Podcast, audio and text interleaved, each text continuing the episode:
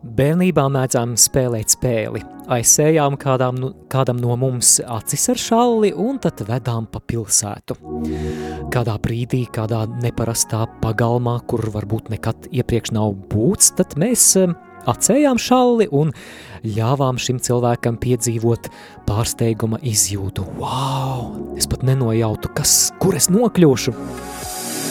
Bet, mīļo klausītāji, vai gadījumā nav tā, ka arī mēs savā dzīvē reizēm jūtamies kā aklās vistiņas, nezinām, vai iet pa labi, pa kreisi, taisni, vai gadījumā mūs negaida kāda bedre priekšā vai siena, kurā ieskriet ar pieri, un mums ir tik ļoti vajadzīga vadība, jo sevišķi vadība no Dieva. Esiet laipni lūkni randiņa ar bībeli 78. epizodē Dieva vadības pamatprincipi, kad jūtamies kā aklās vistiņas – Randiņš ar bībeli Studijā Māris Veliks.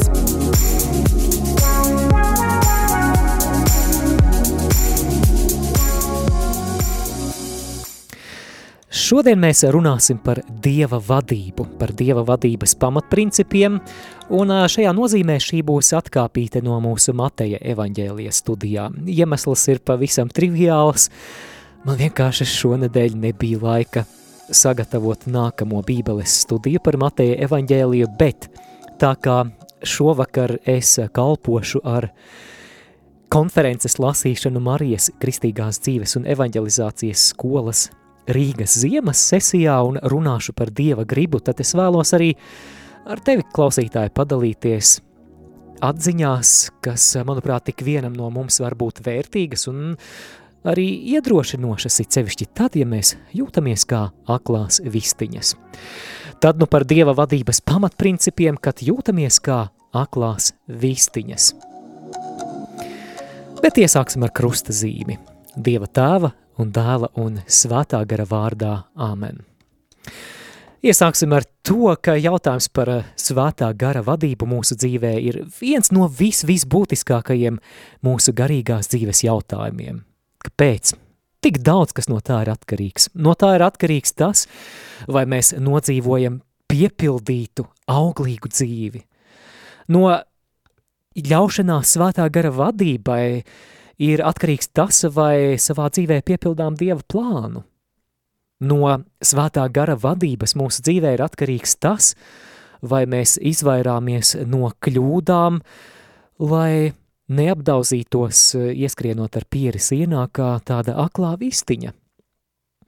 Tad no šoreiz raidījumā par Dieva vadības pamatprincipiem Bībelē. Es vēlos iesākt ar kādu tēzi, kuru varētu izgaismot ar lielajiem burtiem, un šī tēze ir šāda, ka Dieva vadība ir katra Dieva bērna mantojums. Jā, jā, tu nepārklausījies. Dieva vadība ir katra dieva bērna mantojums. Tāpēc tev, mīļo klausītāji, ja tu esi dieva bērns, tu nevari teikt, ka tajos, tajos brīžos, kad tu lūdz dieva vadību, dievs tev atbild, sakot, nu, piedoda draudziņi, bet tavā e, abonementā mana vadība neietilpst. Nē, nē, nē, tu vēl nesi tajā līmenī. Nē. Dieva vārdā mēs lasām, un šī ir pirmā rakstu vieta šoreiz randiņā ar bībeli, ka visi, ko vada Dieva gars, ir Dieva bērni. Romiešiem 8.14. Visi, ko vada Dieva gars, ir Dieva bērni, tātad viena no Dieva bērnus raksturojošajām īpašībām ir tas, ka viņus vada Dieva gars. Mēs varam norādīt arī uz citām rakstu vietām, kas mums runā par to, ka, ja tu esi Dieva bērns, tad Dieva vadībai tavā dzīvē jābūt pašsaprotamai. Jā, varbūt neviegli un neuzreiz izšķirmai, atpazīstamai, bet tai ir jābūt pašsaprotamai. Piemēram, Jāņa evaņģēlija desmitajā nodaļā Jēzus runā par sevi kā par labo ganu. Tātad es un tu, mīļo klausītāji, mēs esam aitiņas. Un ieklausies, ko Jēzus saka, sākot no trešā panta. Un avis klausa viņa balsī. Tātad avis klausa labā gana balsī, un viņš savas avis sauc vārdā un izved tās ārā.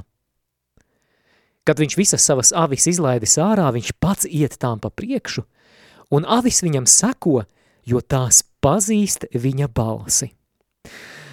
Šajā raksta vietā, mīļo klausītāji, mēs dzirdējām apsolījumu, ka, ja mēs esam Jēzus avju pulkā un galu galā, ja mēs esam saņēmuši kristības sakramentu, tad mēs patiešām esam iekļauti Dieva tautā, mēs esam Kristus miesas locekļi, mēs esam Dieva bērni. Tad labais gans ir apsolījis, ka viņš uz mums runās. Bet eh, kā šo Dieva balsi atpazīt savā dzīvē? Kā šo Dieva balsi saklausīt, kā to nesajaukt ar citām balsīm, kā tajā visā noorientēties – Tad nu viens no mūsu garīgās dzīves būtiskākajiem jautājumiem ir, kā es varu uztrenēt jūtīgumu pret svēto, svētā gara vadību.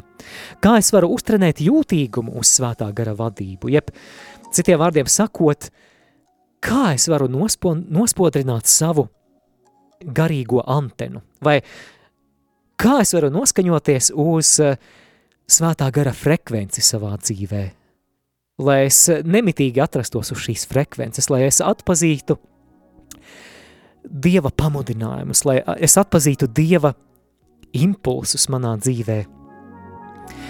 Jā, tas ir liels mērķis, un vispirms, pirms mēs turpinām arī runāt par to, kā šī Dieva vadība var izpausties mūsu dzīvē, ir vērts atcerēties, ka Dieva balss atpazīšana ir process visa mūža garumā.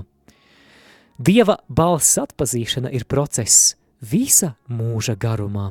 Tā ka mīļo klausītāji nepārdzīvo tad, ja tu tomēr ik pa brīdim jūties kā šī aklā vistiņa, un ja tev šķiet, ka tavās ausīs ir korķi un tu nedzirdi svētā gara balsi, vismaz nedzirdi tā, kā to gribētos tev dzirdēt.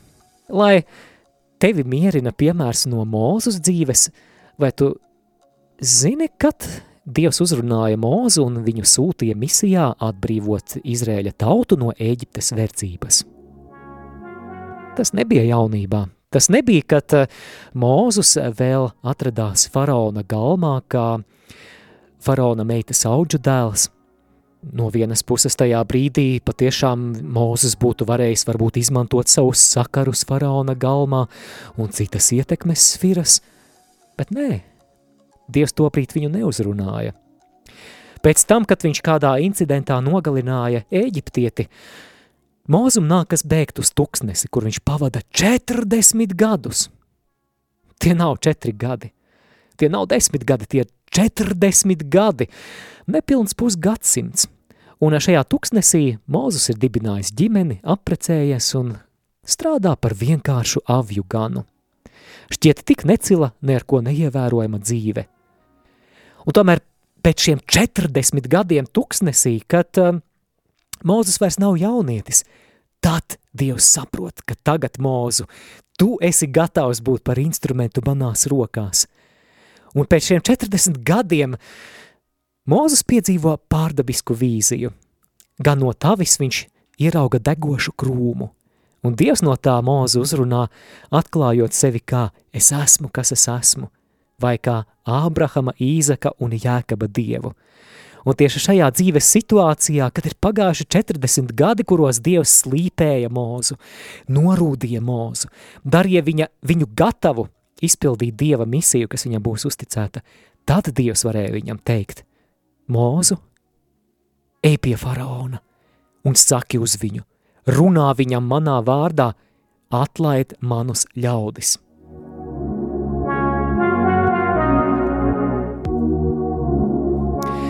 Turpinājumā es vēlos parunāt par diviem dieva vadības veidiem mūsu dzīvē.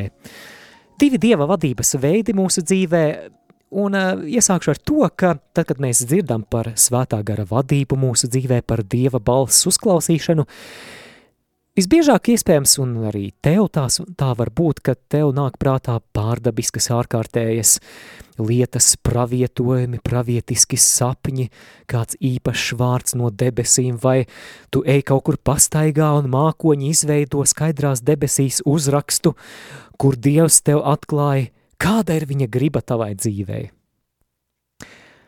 Un tomēr varbūt tevi tas pārsteigts, bet uh, mēs savā kristīgajā dzīvē nepamanām, ka lielākā daļa no Dieva vadības mūsu dzīvē notiek mums to neapzinoties. Mēs pat nenojaušam. Šī Dieva vadība ir tik pašsaprotama, tik dabiska, tik organiska mūsu kristīgajā dzīvē, ka mēs pat nenojaušam, ka Dievs mūs vada tikai vēlāk, kad paiet laiks un mēs atskatāmies atpakaļ, mēs ieraugām, kā notikumi mūsu dzīvē ir saslēgušies tādā ķēdītē, kas nepārprotami norāda, ka aiz tā visa ir stāvējis Dievs, kurš ir izkārtojis apstākļus, kurš ir mūsu priekšā aizvēris kādas durvis, vai mūsu priekšā atvēris kādas durvis, pa kurām mums ir jāieiet. Šis pirmais Dieva vadības veids, par kuru mēs runāsim, mēs to varētu nosaukt par Dieva neapzināto vadību. Tātad pirmais Dieva vadības veids mūsu dzīvē ir neapzinātā vadība.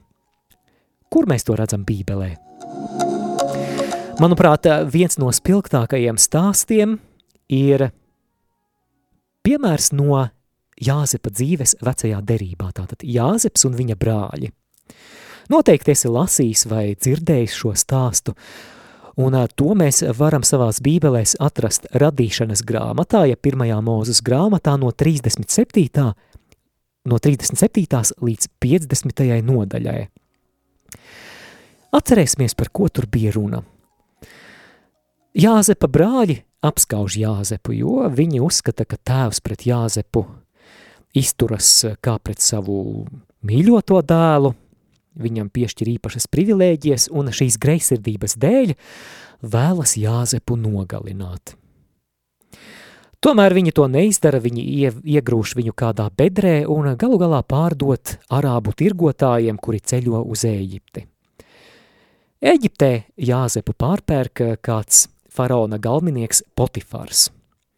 Kādu brīdi Jāzeps veiksmīgi kalpo Potifara mājasaimniecībā, bet eh, viņa sieva, tātad Potifara sieva, veids pret Jāzepu atentātu. Viņu diskreditē, un Jāzeps uz daudziem gadiem tiek iemests cietumā. Varētu jautāt, nu kas te par dieva vadību? Vēlāk, kad Jāzeps diviem cietuma biedriem izskaidro viņu sapņus, ko viņi bija sapņojuši, pravietiskus sapņus, tad eh, pēc kāda brīža arī faraonam rodas nepieciešamība pēc kāda zīmīga sapņa izskaidrojuma. Jāzeps no cietuma tiek izsaukts uz faraona galmu, un eh, faraonam tad eh, Jāzeps izskaidro viņa sapni par septiņiem treknajiem gadiem un septiņiem bada gadiem, kas piemeklēs Ēģipti. Un faraonam Jāzeps piedāvā tik veiksmīgu stratēģiju, kā sagatavoties šai gaidāmajai septiņu gadu krīzei, ka Jāzeps tiek iecelts par otro svarīgāko amatpersonu Ēģiptē. Viņš ir otrais pēc faraona, varētu teikt, ka viņš ir Ēģiptes ministru prezidents vai premjerministrs. Tā kā svēto zemi Palestīnu arī dzen piemeklē septiņi bada gadi, tur ir sausums, tur ir bats, tad Jāzepa brāļi dodas iepirkt pārtiku Ēģiptē, jo tā ir vienīgā vieta, kur pārtikas krājumi ir nopērkami. Un nu viņi nonāk Jāzepa priekšā, nemaz nenojaušot, ka šis eģiptiešu augstmanis, kura priekšā viņi stāv, ir viņu brālis, kuru viņi vēlējās nogalināt, bet galu galā pārdeva tirgoņiem. Kādā brīdī Jāzeps atklāja savu identitāti. Brāļiem viņš saka, es esmu Jāzeps, jūsu brālis. Ļoti aizkustinoša tikšanās. Un varētu jautāt, nu, kur te ir Dieva vadība? Kur te ir Dieva vadība? Bet ieklausieties, ko mēs lasām radīšanas grāmatas 45. nodaļā, brīdī, kad Jāzeps sevi atklāja saviem brāļiem. Jāzeps saka – un nu neesiet drūmi un nedusmojiet uz sevi par to, ka pārdevāt mani uz šejieni. Jo Dievs mani ir sūtījis jums pa priekšu, lai mēs izdzīvotu. Jau šos divus gadus visā zemē bija bats, un nāks vēl pieci gadi, kuros nebūs ne aršanas, ne ražas.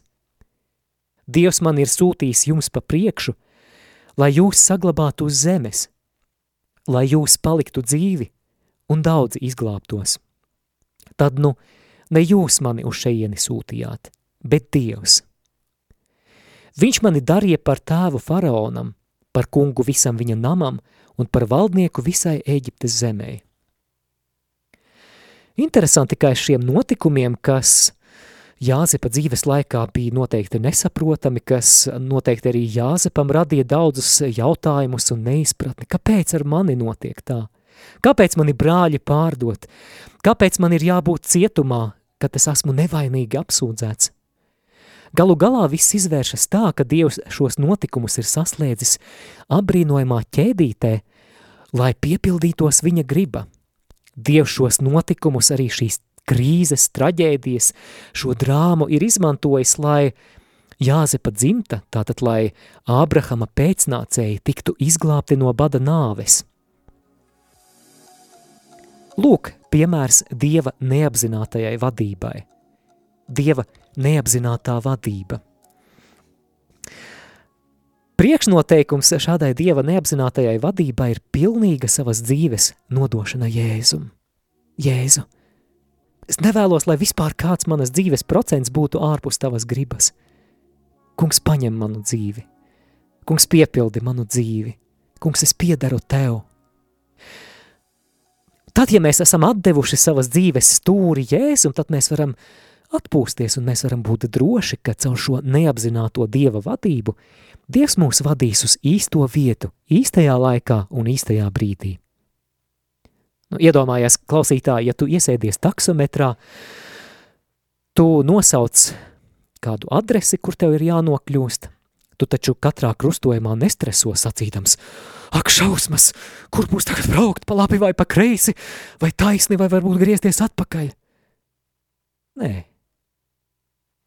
Ja tu uzticies taksometra vadītājiem, protams, ja viņš nav kāds maniaks, bet normāls taksometra vadītājs, tu vari atslāpt, tu vari pat mierīgi – iesnausties un pačučēt un būt drošībā, ka taksometra vadītājs aizvedīs tevi tur, kur tev ir jānokļūst. Tāpat, ja tavas un manas dzīves šoferis, tas, kurš ir pie stūres, ir Jēzus Kristus, tad, ja mēs katru dienu uzticam Dievam, sakot, kungs, lai šodien piepildās tava griba, tavs prāts, lai notiek, tad, ja mēs e, savu dzīvi uzticam Dievam, neatstājot sev vairs neko. Tad, ja mēs cenšamies dzīvot dzīvi tuvāk mīlestībā un mīlestībā uz Dievu, mēs varam būt droši, ka Dievs mūs aizvedīs uz īsto vietu, īstajā laikā un īstajā brīdī mums pat to nenojaušot. Man nāk prātā kāds gadījums, ko savā dzīvē es uzskatu kā simbolu šādai dieva neapzinātajai vadībai. Es domāju, ka daudzi no jums, mīļie klausītāji, esat bijuši svētajā zemē. Arī es pāris reizes biju svētajā zemē, arī Galilejā pie Galilejas ezera, kur ir norisinājušies Jēzus dzīves notikumi, Kafarnaumā, piemēram, turpat Galilejas ezera krastā. Un man dodoties uz Izrēlu bija kāds sapnis – Es gribēju apbraukt apkārt Galilējas ezeram ar velosipēdu. Tie ir tikai 65 km, kas ir vienā dienā veicama distance. Un tad no Tibērijas pilsētā pie Galilējas ezera kādā viesnīcā es noīrēju velosipēdu. Izbraucu agri, agri no rīta pirms saules lēkta, jo vasaras laikā Galilejā ir ļoti spēcīga tveice, kad būtu grūti braukt tāpēc labāk no rīta, kamēr vēl rīta dzestrums. Tā nu es braucu, baudot dabas skaistumu, baudot to apziņu, ka, wow, Jēzus šeit ir staigājis. Jēzus ir staigājis arī šeit pa ūdens virsmu. Viņš ir darījis šeit zīmes un brīnumus. Esot Galilējas ezera otrā krastā, es braucu no kāda pakalna un piepeši jūtu Domāju, kas notiek? Man ir pārsprāgusi priekšējā velosipēda riepa. Es domāju, nu sveiki, nu atbraucām. Viss tik skaisti iesākās, bet ko nu tagad? Labi, man ienāca prātā sazvanīt velosipēdu nomu, pastāstīju viņiem par problēmu, un viņi apsolīja, ka viņi atbrauks un atvedīs man citu velosipēdu, bet man ir jānokļūst tuvākajā benzīna tankā. Līdz tam vēl bija daži kilometri. Tad nu es ar velosipēdu stumjos, stumjos līdz benzīna tankam, tur apsēžos uz soliņa, gaidu ilgi, domāju, kāpēc tas tā viss? Beidzot atbrauc džips un velo noma man atveta citu velosipēdu, un es veiksmīgi varu turpināt savu ceļu apkārt Galilejas ezeram. Bet, kad es nonācu Kafarnaumas ciematiņā, kur šobrīd ir uzcelta katoļu baznīca, noteikti esat bijuši atceraties, kā tā izskatās diezgan moderna, es pieslienu savu velosipēdu pie šīs baznīciņas un dodos iekšā, atveru baznīcas durvis, un altāra daļā atskan zvaniņš. Sākas svētā mise. Šie bija amerikāņu svēceļnieki, kuri bija ieradušies ceļojumā uz svēto zemi kopā ar savu priesteri, un šeit viņi svinēja savu svēto misi, savas euharisties svinības, kuras nebija draudzes mises laikā, un šī mise nebija iepriekš izsludināta, un Es gandrīz apraudājos no aizkustinājuma. Tā bija kā odziņa uz tortes. Mana dvēsele atspirga šajā svētajā misē, un es sapratu, ka, ja manam velosipēdam riepa nebūtu pārplīsusi, tad es būtu nokļuvis kafarnaumā krietni agrāk, un šo misi noteikti, noteikti būtu palaidis garām. Vai arī, ja mans maiņas velosipēds kavētos ilgāk, tad es būtu nokavējis šo svēto misi. Jā, cilvēki pasaulē varētu apgalvot, nu, gan jau, ka tā ir tikai sagadīšanās. Bet uh, tomēr, ja mēs savu dzīvi esam uzticējuši Jēzum Kristum, ja mēs esam Dieva bērni un galu galā, kā mēs lasījām, ka tie, ko vada Dieva gars, tie ir Dieva bērni, tad mēs varam būt droši, ka ar vien vairāk un vairāk – Tas, ko citi sauktu par nejaušību, patiesībā ir daļa no Dieva plāna mūsu dzīvē.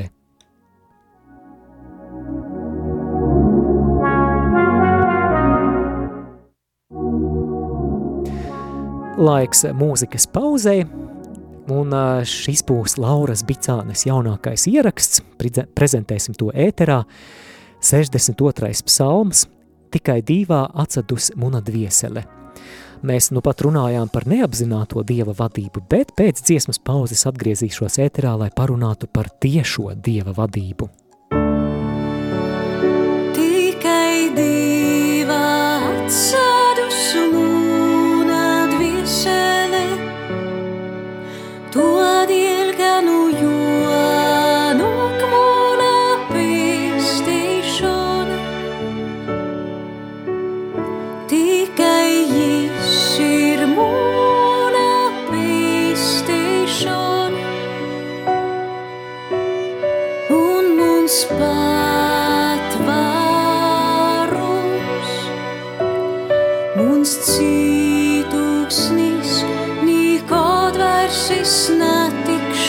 satricināts. Tikai divā atsapjūt mūna dvieseli, to diel, ka nu jūs.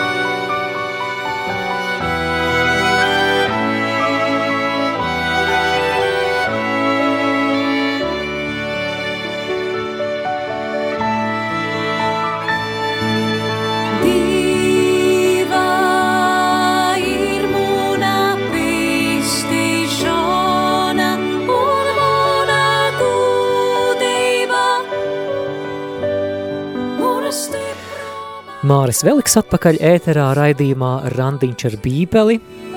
Šoreiz mēs runājam par Dieva vadības pamatprincipiem svētajos rakstos, par Dieva vadību brīžos, kad mēs jūtamies kā aklās vistiņas, un ja šo raidījumu klausies vai skaties sociālajos tīklos, tad ieliec īkšķīti uz augšu, ja, protams, uzskati šo raidījumu par pietiekami vērtīgu un ieraksti kaut ko komentārā, kaut vai ieliec kādu emojiju, tas palīdzēs raidījumam un radio Marijai ēteram aizsniegt iespējami vairāk cilvēku, arī tos, kas ikdienā neklausās radiostaciju. Un um, no sirds, no sirds pateicos tev, mīļo klausītāji. Pirms brīža mēs runājām par to, ka Dieva vadība mūsu dzīvē var izpausties divos veidos. Pirmais no veidiem, kuru mēs jau pārunājām, ir neapzinātā Dieva vadība. Mēs tikai atskatoties eh, atpakaļ uz savu dzīvi, uz notikumiem, kas ir bijuši, varam konstatēt, hei, bet tas taču bija Dievs, kas kārtoja šīs lietas. Tas bija taču Dievs, kurš pat uh, kādas nejēdzīgas dzīves situācijas ir pavērsis par labu, un tas viss ir palīdzējis nokļūt tur, kur Dievs ir vēlējies mani redzēt. Manuprāt, šī ir ļoti svarīga atziņa par eh, šo neapzināto Dieva vadību, jo es eh, tajos brīžos savā dzīvē, kad es pats esmu juties kā aklā vistiņa, kad man ir bijuši jautājumi, neatbildēti jautājumi, kā rīkoties – ko darīt, Dievs, ko tu gribi, un tajos brīžos, kad šķiet, ka tu nesaklausi konkrētu atbildi, tad šī atziņa, ka šajā situācijā labākais, ko es varu darīt, ir vienkārši pilnībā uzticēt savu dzīvi Jēzum. Pat tad, ja es nesaprotu, kur viņš mani ved, kāpēc viņš tieši tā mani ved, kā viņš ved, ka tad, ja manas dzīves šoferis, tas, kurš ir pie stūres, tas, kurš visu kontrolē, ja tas ir Jēzus Kristus, ja es katru dienu uzsāku ar šo domu, Dievs, lai tavs prāts notiek, tad es nevaru kļūdīties, pat tad, ja es nesaprotu. Dievs caur notikumiem, caur cilvēkiem, ko viņš sūta manā dzīvē, caur kādiem apstākļiem, vienkārši vedīs mani saskaņā ar savu gribu. Otrais Dieva vadības veids, par kuru mēs parunāsim, ir nepastarpinātā jeb tiešā dieva vadība. Nepastarpinātā jeb tiešā dieva vadība, un tas ir tas, par ko mēs visbiežāk domājam, ja mēs runājam par svētā gara vadību mūsu dzīvē. Tā var izpausties caur pravietojumiem, caur īpašām pārdabiskām iedvesmām, caur pravietiskiem sapņiem un citiem ārkārtējiem veidiem, uh, caur kuriem Dievs vai nu vēlas pateikt, ka mums ir jāmaina dzīves virziens, vai arī vēlas norādīt uz kaut ko ļoti specifisku un konkrētu. Parunāsim par to, kā tad Dievs runā nepastarpināti. Dieva balss var būt ļoti dažāda. Uz kādiem Dievs var runāt caur iedvesmām, kas ar vienu no jauna nāk prātā. Tātad pirmais caur iedvesmu, kas ar vienu no jauna ienāk prātā. Domājot par piemēriem, man nāk prātā randiņš ar bībeli, šis raidījums, ko šobrīd klausies. Šo raidījumu es uzsāku pirms trim gadiem, bet viss sākās ar šīm iedvesmām, kas nepameta manu sirdi. Jau ilgstoši es jutu iedvesmu, ka es vēlētos vadīt bībeles kursus vai bībeles nodarbības. Sākumā domāju, kur to varētu darīt, varbūt draudzē, tad vēlāk domāju, galu galā radio ir – bet aizbildinājos vienmēr ar to, ka man ir maz laika un šāda raidījuma veidošana prasa lielu sagatavošanos, man tam nav laika. Un tad Marijas Kristīgās dzīves un evaņģelizācijas skolas vasaras sesijā, kurā man bija iespēja vadīt divas lekcijas par Mateja evaņģēliju, vēlāk klausītāji man teica, Māri, tev noteikti jāveido šāds raidījums. Tad nu es uztvēru to kā kā zīmi, kā apstiprinājumu tam, ko es kā iedvesmu jau ilgstoši jūtu savā sirdī, un es sapratu, ka viss atlikt vairs nevar.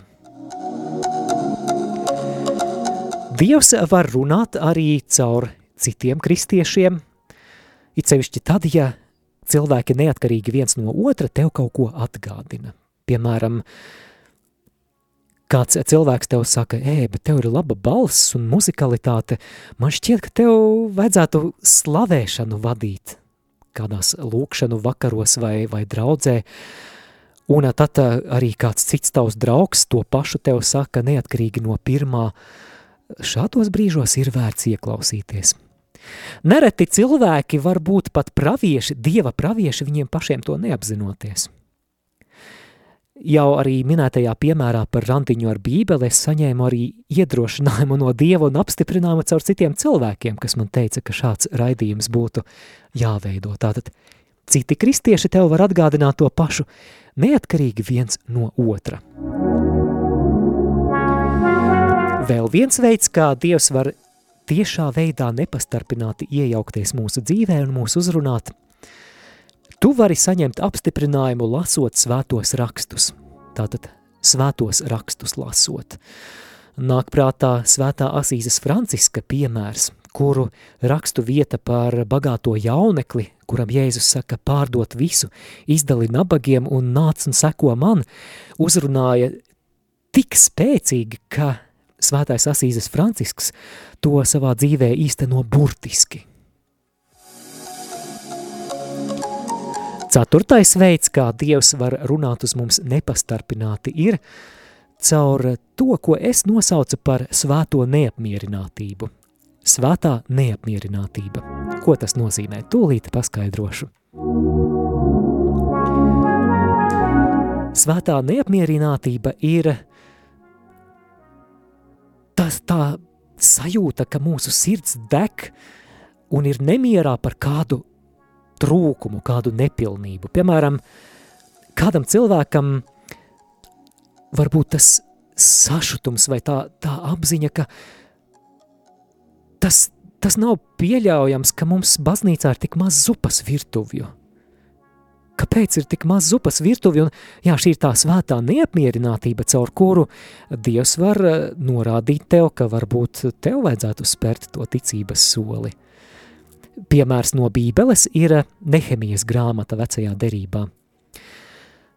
Šī grāmata apraksta laiku pēc Babilonas trimdas, tātad 70 gadus Izraēļa tauta atradās Babilonas trimdā. Grāmata apraksta kādu Nehemiju, kurš kalpo Persijas ķēniņa galmā par vīna padevēju, jeb par bārmeni varētu tā teikt, un, lai gan viņa lielākā mūža daļa ir pagājusi Babilonā, viņš uzzina to, ka viņa tēvu pilsēta, viņus, viņa senču pilsēta Jeruzaleme ir pilnībā nopostīta. Nehemijas sirdī dzimst šī svētā neapmierinātība. Tas nav pieļaujams. Viņš ir vienkārši satriekts dzirdēt, ka šī svētā pilsēta, Dāvida pilsēta Jeruzaleme ir izpostīta – Viņa sirdī dzimst šī svētā neapmierinātība. Tad viņam izdodas saņemt atļauju no Persijas ķēniņa, ka viņš tiek palaists, atlaists un dodas uz Jeruzalemi to kopā ar domu biedriem atjaunot, atjaunot Jeruzalemes sagrautos mūrus, spītējot pretestībai un dažādām grūtībām. Lūk, svētās neapmierinātības piemērs Bībelē. Vai no nesenākas vēstures man nāk prātā Kalkutas māte Terēze? Braucot vilcienā pa Indiju, viņa vēro pa logu drausmīgus skatus, uz ielām mirstoši cilvēki, par kuriem neviens nerūpējas. Mātes Terēzes sirdī roda šī svētā neapmierinātība. Tas nav pieļaujams. Ir nepieciešami cilvēki, Dieva sūtīti cilvēki, kuri kuri šiem visnabagākajiem no nabagiem spēj izpaust Dieva mīlestību un tuvāk mīlestību. Un tā nu atsaucoties Dieva aicinājumam caur šo svēto neapmierinātību, māte Terēze dibina žālsirdības misionāru kongregāciju. Svētais gars mūs var tieši uzrunāt caur īpašu Dieva klātbūtnes vai Dieva svaidījuma izjūtu – Dievs var runāt caur pravietojumiem. Pirmajā vēstulē tesaloniķiešiem, piektajā nodaļā, Pāvils saka, neniciniet, neniciniet pravietojumus. Un šī, manuprāt, ir tā joma, kur mums baznīcā būtu jāaug. Mums patiešām mēs nedrīkstam nicināt pravietojumus. Tā ir dimensija, kur, kuru būtu vērts attīstīt. Jo, kā apustulis Pāvils pirmajā vēstulē korintiešiem 14. nodaļā saka, kas pravieto, tas ceļ baznīcu, tas ceļ draudz, jeb stiprina baznīcu. Tātad tā ir ļoti, ļoti svarīga dāvana tam, lai brāļu māsu Kristū ticība tiktu celta, lai tiktu uzpūsta uguns. Un um, man nāk prātā piemērs, kā mēs ar sievu Olgu reiz uh, aizlūdzām par cilvēkiem, un aizlūdzot par kādu cilvēku, mums abiem vienlaicīgi prātā iešāvās kāda vīzija, kāds redzējums. Mēs abi redzējām baznīcu vai katedrāli. Jā, katrs citādākā veidā, bet Bet, kad mēs to pateicām, mēs sapratām, ka Dievs tādējādi mums iedrošina pateikt cilvēkam, par kuru mēs aizlūdzam vārdu, ka nu, apmēram šādā veidā, ka Dievs vēlas tev apstiprināt tavu identitāti. Dievs vēlas iedrošināt tevi, apzināties, ka tu esi svētā gara templis, tu esi Dieva baznīca, tu esi Dieva katedrāle. Dievs var runāt caur pravietiskiem sapņiem un citiem ārkārtējiem veidiem. Mēs par to lasām skaistā apsolījumā apustuļu darbu grāmatā otrajā nodaļā no 17. līdz 18. pantam, bet ja tu seko līdzi šim raidījumam savā bībelē, tad patiešām atšķir apustuļu darbu grāmatu, jo mēs turpmākajās minūtēs diezgan pamatīgi uzturēsimies tieši apustuļu darbu grāmatā, lai runātu par šo Dieva tiešo vadību. Bet apustuļu darbi divi no 17. līdz 18. pantam skan šādi. Tas notiks pēdējās dienās, saka Dievs.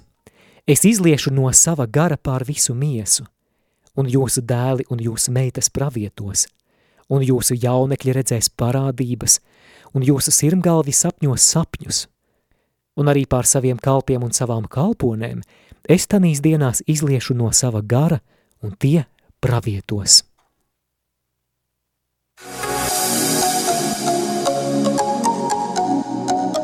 Skan randiņš ar bībeli. Es vēlos palūkoties uz vairākiem piemēriem Dieva nepastarpinātajai, jeb tiešajai vadībai apustuļu darbu grāmatā. Jo, kā kāds ir izteicies, apustuļu darbu grāmata ir Dieva tiešās vadības vai svētā gara vadības rokas grāmata. Būtu grūti atrast kādu apustuļu darbu grāmatas nodaļu, kurā nebūtu kaut kas runāts par svētā gara iejaukšanos un vadību, par svētā gara dāvanām, par svētā gara iedvesmām, un palūkosimies, kā tas notiek apustuļu dzīvē. Sāksim ar apustuļu darbu astoto grāmatu – astoto nodaļu, piedodiet, sākot no 26. panta, mēs lasām par diakona Filipa sastapšanos ar etiopiešu einuhu jeb augstmani. Etiopiešu augstmanis ratos brauc uz mājām pēc Jeruzalemes apmeklējuma un lasa pravieti Jesaju, bet nesaprot, ko tas viss nozīmē. Tagad apustuļu darbi 8.29 mēs lasām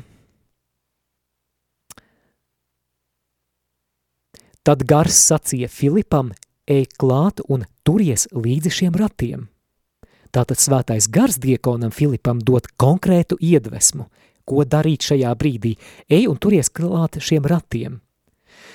Tālāk jūs varat lasīt par to, kā viņi sāk sarunāties, kā diekons Filips šim etiopietim izskaidro, par ko tad pravietis Jesaja pravieto, ka viņš pravieto par Kristu, kurš nāks. Un galu galā arī etiopiešu galvenieks ietic Jēzum Kristum un saņem kristības sakramentu. Kā būtu, ja Filips nebūtu ieklausījies Dieva svētā gara balsī? Vai nākamā nodaļa apustuļu darbu grāmata devītā nodaļa, kur ir aprakstīta Saula atgriešanās. Sauls ir tas, ko mēs vairāk pazīstam kā apustuli Pāvilu. Tātad Saulu kurš šņāc dusmās un grib postīt kristiešus un viņus sagūstīt un mest cietumos, viņu apspīd Jēzus gaisma. Jēzus viņam īpašā pārdi, pārdabiskā veidā atklājās, un uz brīdi mēs lasām, ka viņš ir zaudējis redzi. Viņu aiz rokas aizved uz Damaskas pilsētu, un tur viņš lūdzās. Un interesanti, ka mēs lasām, ka tajā pašā laikā ir kāds cilvēks Ananija, un no desmitā panta mēs lasām. Damaskā bija kāds māceklis vārdā Ananija. Kungs uzrunāja viņu parādībā Hanaņa. Viņš atbildēja, redzi, kungs, te es esmu. Bet kungs viņam sacīja, dodies uz taisno ielu un jūdas mājā uzmeklē tarsieti vārdā Sauls. Redzi, viņš lūdz Dievu un ir redzējis kādu vīru vārdā Hanaņa, ienākam un uzliekam viņam rokas, lai viņš atkal varētu redzēt. Wow! Interesanti, ka Dievs šim Ananijam saka tā, ka ir kāds Sauls, kurš tieši šajā brīdī vīzijā redz tevi. Tev ir jāiet, jāuzliek viņam rokas, lai viņš varētu redzēt un lai viņš tiktu piepildīts ar svēto garu. Un eh, šis māceklis Ananija patiešām arī to izpilda.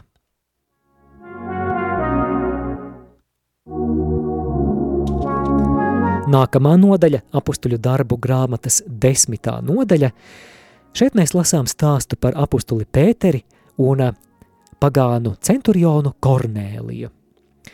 Viss sākas ar to, ka Pēteris lūdzas uz kāda jumta un redz neparastu parādību. Viņš redz it kā galdautu, kas nolaužās, nolaižās lejā no debesīm, un šis galdauts ir pilns ar nešķīstiem dzīvniekiem. Un atskan Dieva balss, Pēteri, celies, ņem un ēd. Pēteris saka, es neko, ne, nekad, neko nešķīstu nesmu ņēvi, ņēmis savā mutē. Un Dievs viņam saka, tas, ko Dievs ir šķīstījis, nesauc to par nešķīstu. Kā mēs vēlāk uzzinām, šī ir vīzija vai pravietojums par to, ka, ka nedrīkst uzskatīt pagānus par nešķīstiem, ka arī viņi ir Dieva izredzēti būt par mūžīgās dzīves mantiniekiem, un tāds būs arī šis pagāns Kornēlijs un viņa nams. Un apustuļu darbu grāmatā desmitajā nodaļā lasīsim no 17. līdz 20. pantam, jā, arī pārdabiska tieša svētā gara iejaukšanās. Kamēr Pēteris vēl neizpratnē pārdomāja, kas tā varētu būt par parādību, ko viņš bija redzējis – Lūk, Kornēlija sūtīti vīri, kas jautāja pēc sīmaņa nama, bija apstājušies pie lieveņa un skaļi klaušināja, vai šeit ir apmeties sīmanis, kam pievārds Pēteris. Pēteris vēl lauzīja galvu par šo parādību, bet gars sacīja, redzi trīs vīri tevi meklē, celies, kāp lejā un nešaubīdamies ej viņiem līdzi, jo es viņus esmu sūtījis. Lūk pārdabiska dieva vadība kā gan būtu, ja apustulis Pēteris nebūtu atsaucies šai vīzijai, šai dieva balsī un nebūtu pasludinājis evaņģēliju pagānam Kornēlijam un viņa namam.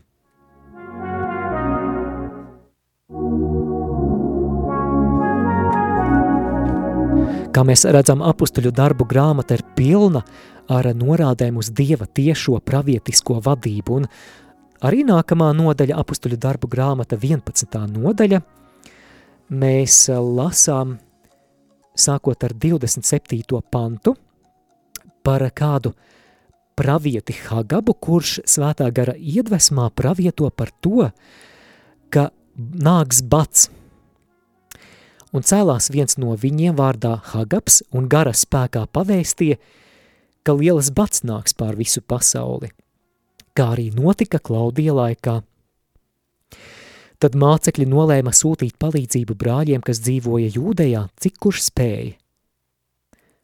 Lūk, pateicoties tam, ka šis pravietis Hagabs bija uztvēris šo dieva iedvesmu, šo pasludinājumu par to, kas ir sagaidāms, ka būs šis bats, tad kristieši varēja ievākt ziedojumus jūdejas kristiešu atbalstam, lai viņi neciestu badu. Apustuļu darbu grāmatas 13. nodaļa. Apustuļu darbu grāmatas 13. nodaļa lasu no otrā panta un ieklausies arī, kā šeit izpaužās Dieva tiešā iejaukšanās. Kad viņi kalpoja kungam un gavēja, svētais gars sacīja, nošķiriet man Barnabu un Saulu tam darbam, uz kuru es tos esmu aicinājis. Tad gavējuši un dievu pielūguši, viņi uzlika tiem rokas un tos atlaida. Lūk, lūkšanas, dievkalpošanas un gavēņa kontekstā Antiohijas draudzes vecajie saņem īpašu norādījumu, ka Barnaba un Sauls ir nošķirti īpašai misijai, un tad viņi arī tiek nosūtīti. Lūk, dieva pārdabiskās vadības piemērs. Vai, manuprāt, ļoti, ļoti interesanti – apustuļu darbu grāmatas 16. nodaļa, 16. nodaļa un lasīsim no 6. panta. Bet Frīģies un Galatijas zemē viņa nepalika, viņi tas ir Pāvils un viņa biedri, jo svētais gars neļāva viņiem sludināt vārdu Āzijā. Cik interesanti, sludināt Dieva vārdu ir labi, vai ne? Tomēr svētais gars neļauj. Šajā brīdī viņam ir kāds cits plāns. Arī tavā dzīvē var būt kāds labs nodoms, bet varbūt, ka svētais gars saka, nē, šobrīd nav laiks, šobrīd ir jāiet tur. No septītā panta lasām. Nonākuši pie misijas, viņi lūkoja ieiet bitīnijā, bet Jēzus gars viņiem neļāva. Lūk atkal, Jēzus gars viņiem neļauja. Tālāk 9. pantā naktī Pāvils redzēja parādību. Kāds maķedoniešu vīrs stāv un viņu aicina celies pāri uz Maķedoniju un palīdzi mums. Kad viņš bija šo parādību redzējis, mēs gribē, gribējām tūlīt doties uz Maķedoniju, būdami pārliecināti, ka Dievs mūs aicina pasludināt viņiem evaņģēliju. Lūk, Dieva tiešā nepastarpinātā vadība caur pārdabisku sapni.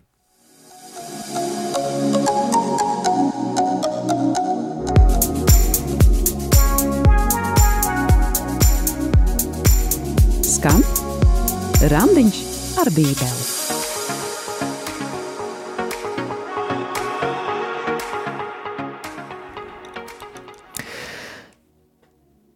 Dārgā māsa, dārgais brāli, kā mēs varētu attīstīt jūtīgumu uz svētā gara balsi? Kā mēs varam nofokusēties, noskaņoties uz šo svētā gara frekvenci, lai mēs varētu arī citiem kalpot pravietiski? Kā mēs varam ieklausīties svētā gara norādījumos? Šeit liela, liela nozīme ir klusumam un ieklausīšanās nozīme. Piemēram, ja tu aizlūdz par kādu cilvēku, veltī laiku tam, lai varbūt apklust uz kādu mirkli un vienkārši būtu die, Dieva priekšā un mēģinātu uztvert, vai tev nāk prātā kāda iedvesma. Varbūt Varbūt tev Dievs var atgādināt kādu svēto rakstu fragmentu, varbūt Dievs tev var parādīt kādu attēlu, kā mēs ar Olgu, kad aizlūdzot par šo cilvēku, mēs runājām baznīcu abi vienlaicīgi. Varbūt Dievs var dāvāt kādu pamudinājuma, iedrošinājuma vārdu. Ja vien tas nav kaut kas kaut kas tāds nesaprātīgs, kā piemēram, tur, nu, Anniņ, tev ir jāprec obligāti pēterīti, tad tas gan būtu negudri. Bet ja tas ir kaut kas, kas uh, pamatojās Dieva vārdā, kas var iedrošināt šo cilvēku, tad droši mēs varam riskēt un mēģināt to teikt. Sakot, ka man ir tāda sajūta, ka Dievs tev grib teikt šādu vārdu, vai Dievs tev dāvā šādu vīziju. Jā, varbūt mēs pirmajās reizēs varam netrāpīt, varam mēs varbūt nokļūdīties, bet, bet tādējādi ir svarīgi to, to pasludināt ar šo piebildi, ka man ir tā sajūta, ka Dievs tev grib teikt. Ja tas nav no Dieva, tad, tad neņem to vērā bet ja tas būs no Dieva, tas vienkārši rezonēs tavā sirdī. Un noslēdzošā doma, ar kuru es arī šo raidījumu noslēgšu, kā mēs varam pārbaudīt, vai kāda, kāda iedvesma no Dieva, kāds pravietisks vārds, vai tas, vai tas ir no Dieva, vai tas nav no Dieva. Un mums nav laika iedziļināties tajā, kādi var būt šie atpazīšanas kritēriji, bet es minēšu, ka tie ir svētie raksti, atjaunots prāts, jeb domāšana saskaņā ar dieva vērtību hierarhiju, brāļu un māsu kristū padoms un arī apstākļi, caur kuriem dievs vai nu tev aizver kādas durvis vai atver kādas durvis. Tātad šie kritēriji ir kā luksafors krustojumā vai kā bāka, kas jūrā tumsā palīdz sasniegt ostas drošību. Bet eh, vēl tikai daži vārdi par svētajiem rakstiem kā objektīvo kritēriju. Mēs ticam, ka svētie raksti Bībele ir Dieva iedvesmota grāmata. Un ja svētais gars ir iedvesmojis šo vārdu, tad mēs apzināmies, ka svētais gars nekad, nekad, nekad nenonāks pretrunā pats ar sevi. Tātad, eh, lai, lai arī kā kāds eh, pamatotu savu atklāsmi ar, ar to, ka viņš redzējis eņģeļu parādīšanos, vai viņš ir atradis zelta plāksnes ar uzrakstītiem dievišķiem tekstiem. Ja tas ir pretrunā dieva vārdam un baznīcas tradīcijai, tad tā ir sarkanā lampiņa, ka nekādā gadījumā, nekādā gadījumā tas nevar būt no dieva. Piemēram, jā, mēs varam runāt par, piemēram, par mormoņu mācību – par mormoņu mācību, kas ir mm, pseido kristīga mācība, kur ir gan kristietības elementi, gan tik, tik kosmiskas uh, lietas, kuras ir pilnīgā pretrunā Dieva vārdam, svētajiem rakstiem un baznīcas tradīcijai. Bet, uh, lai mēs uh, vieglāk orientētos svētajos rakstos, lai svētie raksti mūsu prātā un mūsu sirdī kļūtu par efektīvu atsijāšanas sietu, mums ir jālasa Dieva vārds, mums ir jāpiepildās ar Dieva vārdu, mums ir jālasa Dieva vārds katru dienu, vismaz pa drusciņai. Tāpēc es noslēgšu ar šo iedrošinājumu, lasīsim Dieva vārdu. Lasīsim Dieva vārdu, jo vairāk būsim ar to piepildīti, jo, jo vairāk atpazīsim patiesību no meliem – jo vairāk mēs atpazīsim viltus pravietojumus no patiesiem pravietojumiem. Jo vairāk mēs lasīsim svētos rakstus, jo vairāk mūsu vērtību sistēma, mūsu ticība būs Dieva vārda veidota. Mūsu lēmumi izrietēs no, no vērtībām, no principiem, kas ir atklāti Dieva vārdā. Būsim Dieva vārda lasītāji. Atgādinu, ka gluži kā uztura bagātinātājs neaizstāja pilnvērtīgu un sabalansētu uzturu tā raidījums randiņš ar bībeli neaizstāja personiskus randiņus ar bībeli. Tās šoreiz viss, šoreiz runājām par dieva vadību, tātad divi dieva vadības veidi, neapzinātais un tiešais, jeb nepastarpinātais dieva vadīšanas veids, un Vēlreiz paldies arī visiem, kas skatāties vai klausāties sociālajos tīklos un kas palīdzat šim raidījumam aizsniegt iespējami vairāk klausītāju. Paldies, ka ieliekat kādu īkšķīti uz augšu vai sirsniņu un vēl jau vairāk, ja ierakstāt eh, kādu komentāru. Paldies, paldies, paldies, paldies jums par to, lai Dievs svētī un lai Dievs mūs ikdienā māca atpazīt viņa vārdu un viņa gribu. Lai slavēts Jēzus Kristus! Jūs dzirdējāt raidījumu Randiņš ar Bībeli. Savas atsauksmes, ieteikumus un jautājumus sūtiet uz raidījuma e-pastu randiņš ar bībeli at gmail.com. Iepriekšējās raidījuma epizodes var atrast arhīvā.